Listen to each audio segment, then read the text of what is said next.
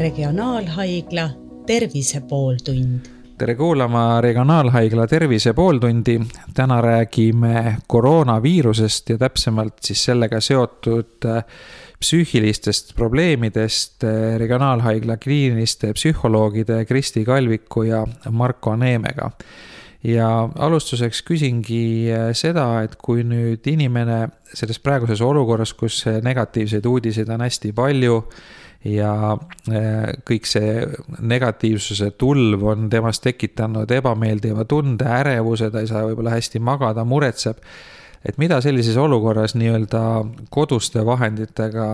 inimene ise enda heaks teha saaks, et enesetunne parem oleks?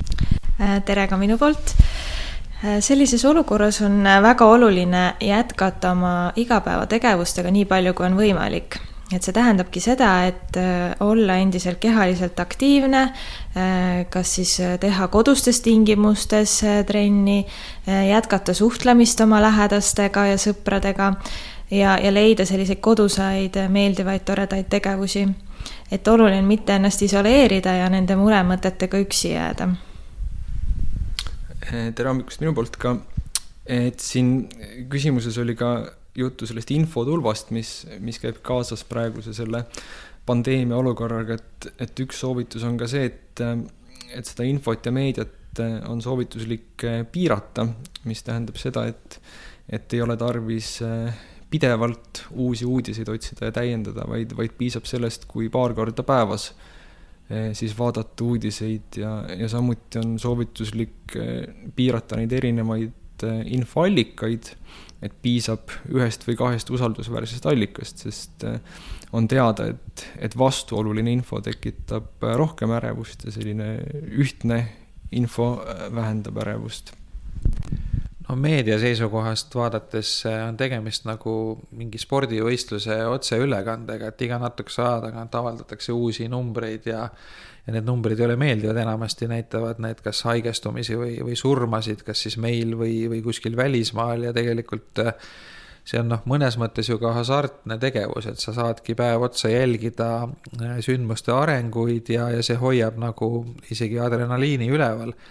et kuidas siis ikkagi nagu saavutada see olukord, et, et üht, ühtaegu olla kursis, aga, aga mitte sellega üle pingutada, et et noh, eriti nüüd nutitelefoni ajastul sul on ju tegelikult piisab nagu ühest, ühest liigutusest, ühest äh, pöidlaviipest ja sul on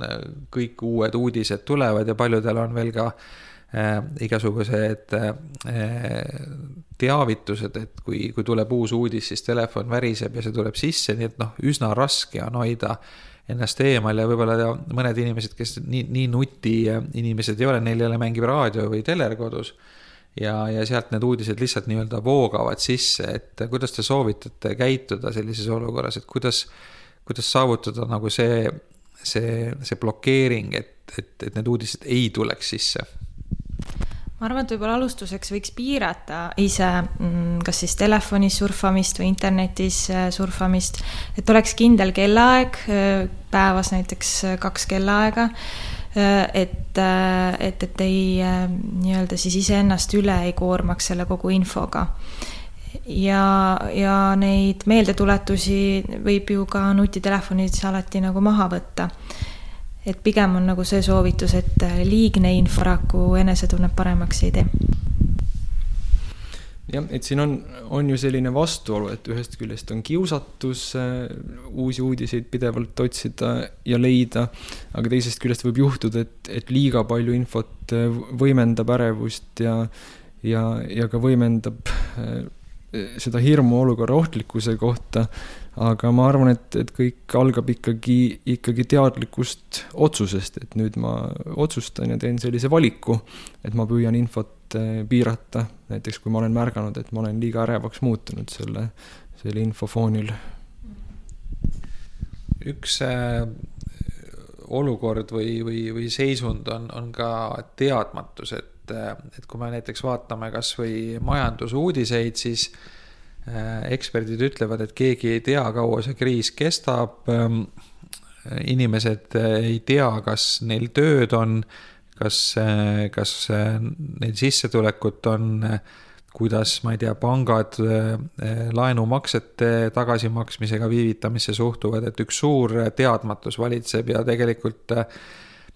on ka öeldud, et see teadmatus valitseb veel mõnda aega, võib-olla, võib-olla mitu kuud või pool aastat isegi, et inimesele on ju olemuslikult selline ebamäärasus või teadmatus üsna, üsna talumatu. et kuidas sellega harjuda või toime tulla? jah, ebamäärasuse talumine on üks kõige ebameeldivamaid äh, asju meie elus. Äh, aga äh, see on ka midagi, mida me paraku peame mm, kas siis õppima taluma praeguses olukorras, et me saame keskenduda sellele, mida me saame praegusel hetkel muuta ja kontrollida, et seda probleemi lahendada ja aktsepteerima seda, et on, on asjaolusid, mis meie kontrollile praegu ei allu. ja, ja see tegelikult tähendabki eh, probleemi lahenduse mõttes seda, et me jätkame neid tegevusi, Äh, mida me praegu teame, käime tööl ja, ja saame seda infot, mis meile praegu antakse, aga nii-öelda see ette muretsemine teeb tõenäoliselt rohkem ärevamaks ja ei hoia ka neid äh, tulevaid probleeme ära. selles ebamäärasuse talumatuses on ka noh, individuaalsed erinevused, et mõned inimesed taluvad seda väga hästi, äh, mõned jällegi väga halvasti ja ja need, kes seda määramatust ei talu, need tihtipeale üritavad Äh, teha väga palju, et, et seda mitte tunda ja, ja mõnikord äh, laskuvad siis äärmustesse, et nad võivad ühest küljest püüda täielikult vältida igasugust hirmutavat informatsiooni või, või siis minna teise äärmusesse ja justkui üle pingutada, näiteks hakata liigselt äh, infot otsima või, või püüda oma emotsioone vaigistada, näiteks alkoholiga või uimastitega. et, et üks soovitus on siis ka püüda neid, neid äärmusi vältida aga kas on mingeid selliseid häid tehnikaid, äh, kuidas inimene saaks ise äh, ennast rahustada või, või mitte nii palju muretseda, et mida, mida ta võiks teha iseenda heaks, et, äh, et olla natuke meelekindlam? soovitatakse mm, erinevaid lõdvestumisharjutusi, hingamisharjutusi, mida on võimalik ka Youtube'ist näiteks leida teadveloleku harjutused aitavad lõõgastada ja, ja oma tähelepanu mõtetelt eemale saada. aga no muretsemise puhul võib-olla kõige efektiivsem äh, meetod on muretsemise aeg, mis tähendabki seda, et on kindel kellaaeg, ähm, mis siis inimene kokku lepib iseendaga, näiteks kui see on kella viiest poole kuueni siis, siis ma muretsengi oma muremõtteid ainult antud pooltunnil ja kui need muremõtted tulevad siis selle välisel ajal, siis lükkan neid mõtteid, muretsemist edasi sellele kellaajale. et see aitab siis ähm, ärevust äh, vähendada ja, ja enamus aega ei lähe nagu muretsemisele, mistõttu tavaliselt need mõtted lähevad aina hullemaks ja, ja see ähm, oodatav katastroof äh, ka aina suureneb ja suureneb. et see muretsemise aeg on ka meie praktilises töös olnud kõige efektiivsem ärevusega töös. lisaks noh, alustuseks on ka see, et, et või, võiks teadvustada, et ärevus on täiesti normaalne emotsioon sellises olukorras. et seda tunda on normaalne, selle vastu tingimata ei pea kuidagi võitlema. Mm, ärevus võib teatud juhtudel olla kasulik, see on selline keha normaalne reaktsioon, mis, mis valmistab meid ette, et, et mobiliseerida oma, oma vaimsed ja kehalised jõuvarud ja võib, võib mõnel juhul noh, muuta meid tõhusamaks ja, ja tugevamaks teatud olukordades. et selles mõttes on, on kasulik endale, endale tuletada meelde, et, et see ongi praegu ärevus, see reaktsioon on kohane ja, ja sellest ärevusest hoolimata inimene on võimeline paljusid asju tegema, jätkama oma igapäevaste tegevustega. kuidas äh, suhtuda meelelahutusse, et äh, üks selline võib-olla reaalsusest põgenemise viise on see, et sa vaatadki lõpmatult mingeid seriaale, nüüd näiteks Netflixi on võimalik sisuliselt ööpäeva ringi vaadata, põhjatu äh, varamu igasugust äh, meelelahutust, raamatuid on palju. et, äh, et kuidas selline nii-öelda reaalsusest põgenemine teie arvates äh,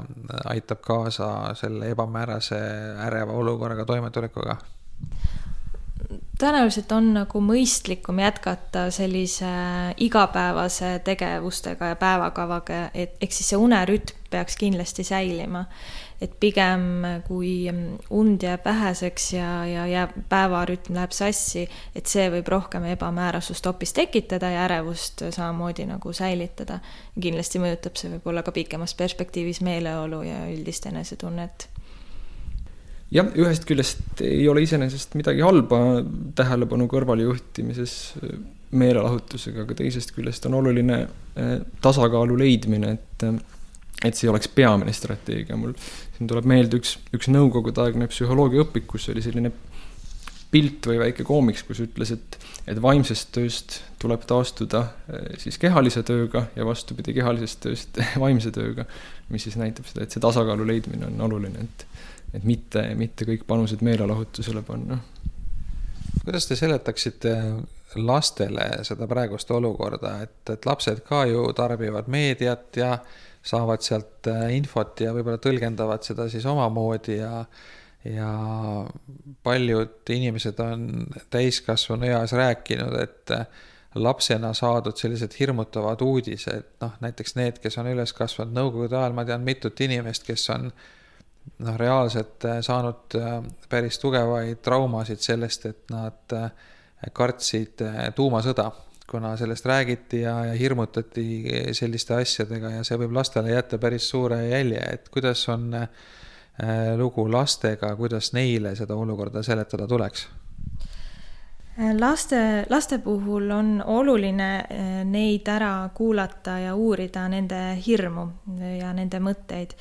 et lapsed võivadki väga erinevalt reageerida, mõned vajavad rohkem toetust ja, ja tähelepanu ja see on oluline neile ka seda siis anda ehm, tuleks anda eakohaseid selgitusi ja samamoodi normaliseerida seda hirmu ja ärevuse tunnet. ja, ja, ja julgustada võib-olla, kui on ka vanemad lapsed, otsida sellist usaldusväärset infot ja miks mitte ka siis seda koos lapsevanemaga teha ehk siis e, nii-öelda niisugune info ikkagi vähendab ärevust. ja, ja vane, lapsevanem nii palju, kui ta ka ise suudab, võiks ennast e, rahustada nende eelneva mainitud võtetega, et, et olla nagu lapsele seejuures eeskujuks. et ja, ja, ja neid igapäevategevusi jällegi jätkata koos lapsega äh, ja miks mitte tuua juurde rohkem neid äh, koos mängimisaega ja, ja koos äh, lugemist, koos tegevusi. üks, üks lisanüanss on veel see, et, et mõnel juhul lapsed peavad siis noh, nad eraldatakse enda vanematest, näiteks kui vanemad peaksid haiglasse sattuma ja see on nagu selline eriolukord, et et soovituslik on ikkagi mitte, mitte lastest eralduda, vaid, vaid veeta nendega aega koos nii palju kui võimalik. aga kui see ei ole võimalik, siis, siis soovitatakse jätkata regulaarset kontakti kindlatel siis ettemääratud kellaaegadel, näiteks helistada kaks korda päevas kokku lepitud aegadel, et, et jätkata suhtlemist ja tagada selline ennustatavus. et kui inimene on haigestunud ja,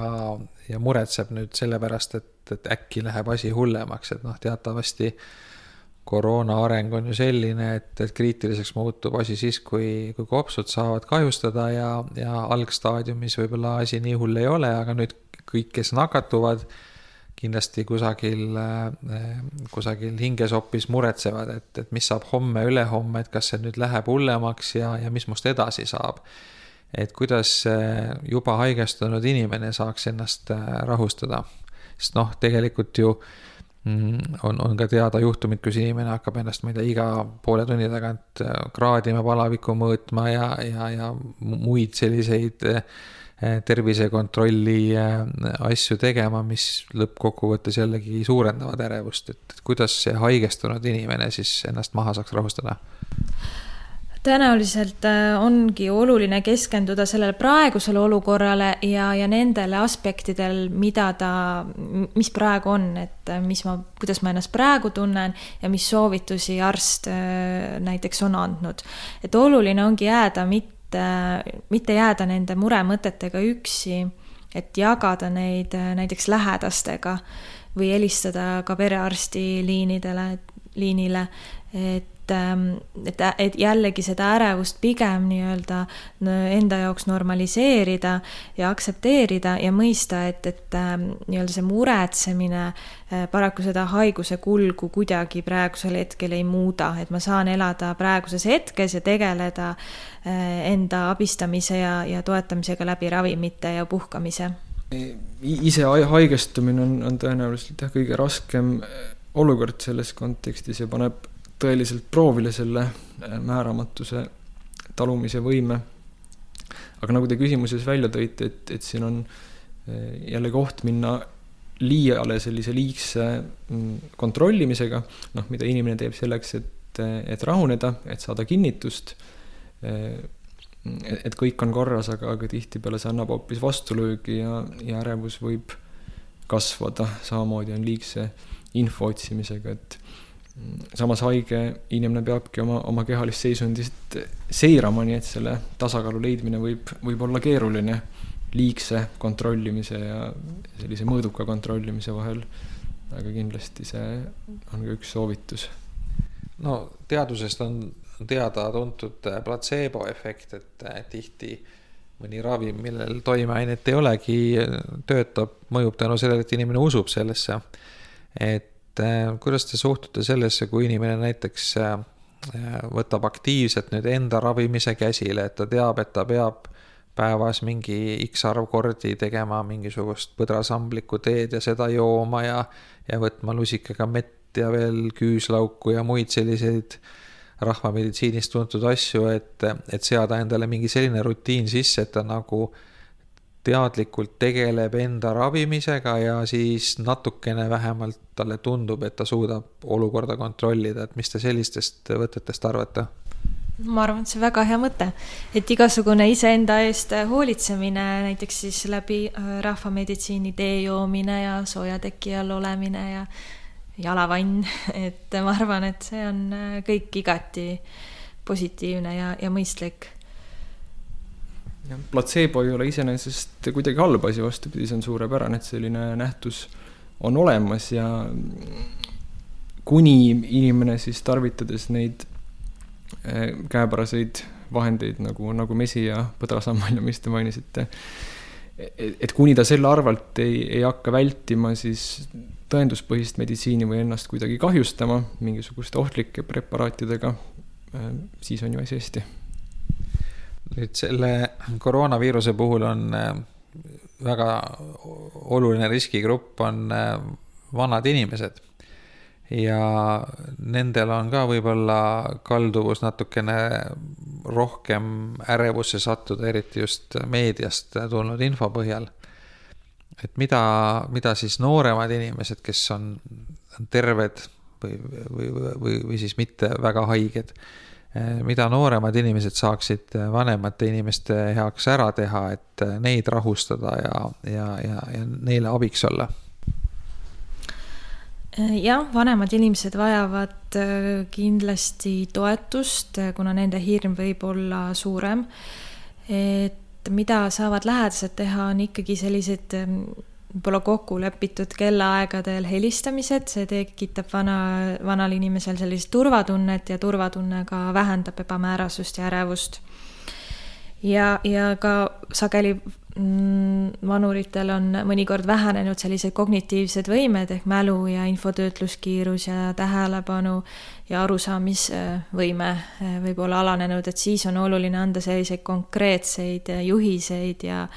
ja lasta äh, lähedasel kirja panna need ja näiteks kasvõi siis telefoni meeldetuletusi kasutada. et oluline on olla, ma arvan, lihtsalt äh, eelkõige selle vanuri jaoks olemas ja teda toetada sellises keerukas olukorras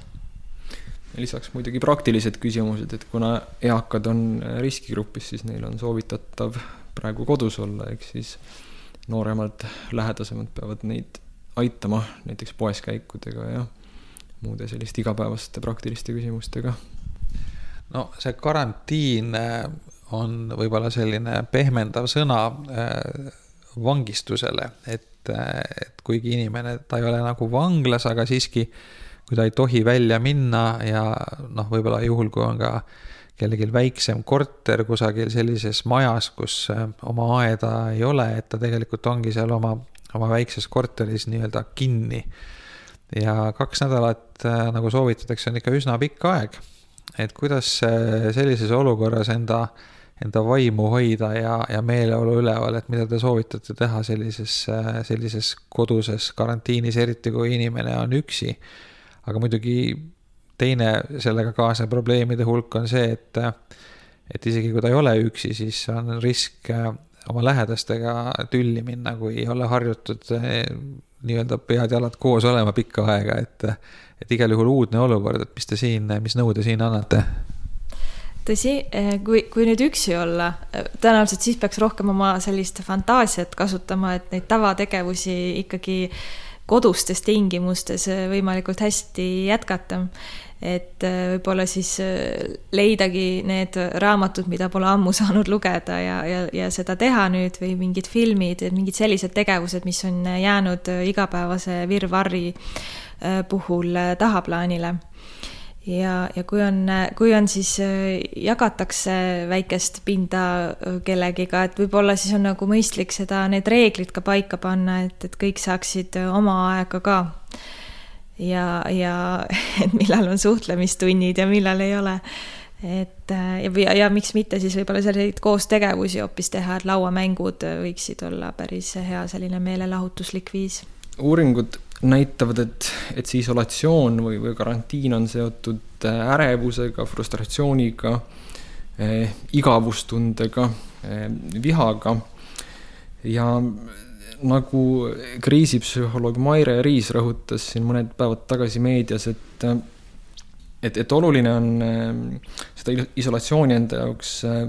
mõtestada ja, ja tuletada meelde, et, et sellega äh, te teete ühiskonnale teene ja, ja kaitsete siis riskigruppe haigestumise eest, et, et see võib aidata siis natukene mõtestada ja sellist missioonitunnet tekitada, et, et uuringud näitavad ka seda, et, et et, et tahtest äh, olenemata või, või sunduslik isolatsioon on siis inimeste jaoks raskem kui vabatahtlik, et et kui seda õnnestub enda jaoks mõtestada ikkagi selliseks soovitavaks tegevuseks, siis see võib seda kergendada. Et, et suhtugem siis sellesse karantiini kui, kui sellisesse kangelaslikkuse väljendusse, et, et äh, see on nagu maratonijooks või, või midagi sarnast, et, et te ületate ennast ja samas teete ka ühiskonnale teene. aga ma võtaks äh, kokku võib-olla need punktid, mis mulle endale teie jutust kõige rohkem meelde jäid ja te võite siis kinnitada või ümber lükata, kui ma millestki valesti aru sain, et kõigepealt mul jäi, jäi meelde see, et te soovitasite ikkagi igas olukorras teha sellise suhteliselt äh, range plaani, et see plaan on siis selline, et et meedia tarbimine on planeeritud, mitte kogu aeg ei ole infovoog lahti, vaid on teatud ajahetkedel, siis te soovitasite kindla plaani järgi äh, muretseda, ehk et mitte kogu aeg, vaid äh, määrata endale päevaplaanis siis kellaaeg, millal tegeleda muremõtetega ja siis pärast enam mitte. Ja sama lugu oli siis nii, nii laste kui, kui, kui vanuritega suhtlemisel, et jällegi Eh, teatud regulaarsus või plaan, millal nendega rääkida, kui nad ei ole teie juures, eh, helistada või, või suhelda mingis muus kanalis ja ja see on ka selline plaani järgi, et, et, et minu selline eh, kokkuvõte teie jutust on see, et selline teatud distsipliin, planeerimine on, on see nii-öelda võti olukorraga toimetulekul, et kas ma saan õigesti aru? Jah, äh, plaan ikka või selline plaanid ja reeglid tekitavad äh, turvalisust ja sellises ebamäärases olukorras, nagu see praegu on, äh, peame me seda turvalisust iseendale ikkagi kuidagi tekitama. mulle jäi ka selline mulje meid kuulates, et distsipliin oli üks põhiline märksõna. aitäh me ajasime juttu Regionaalhaigla kliiniliste psühholoogide Kristi Kalviku ja Marko Neemega ja äh, küsitles Ando Sinisalu, aitäh kuulamast. regionaalhaigla Tervise pooltund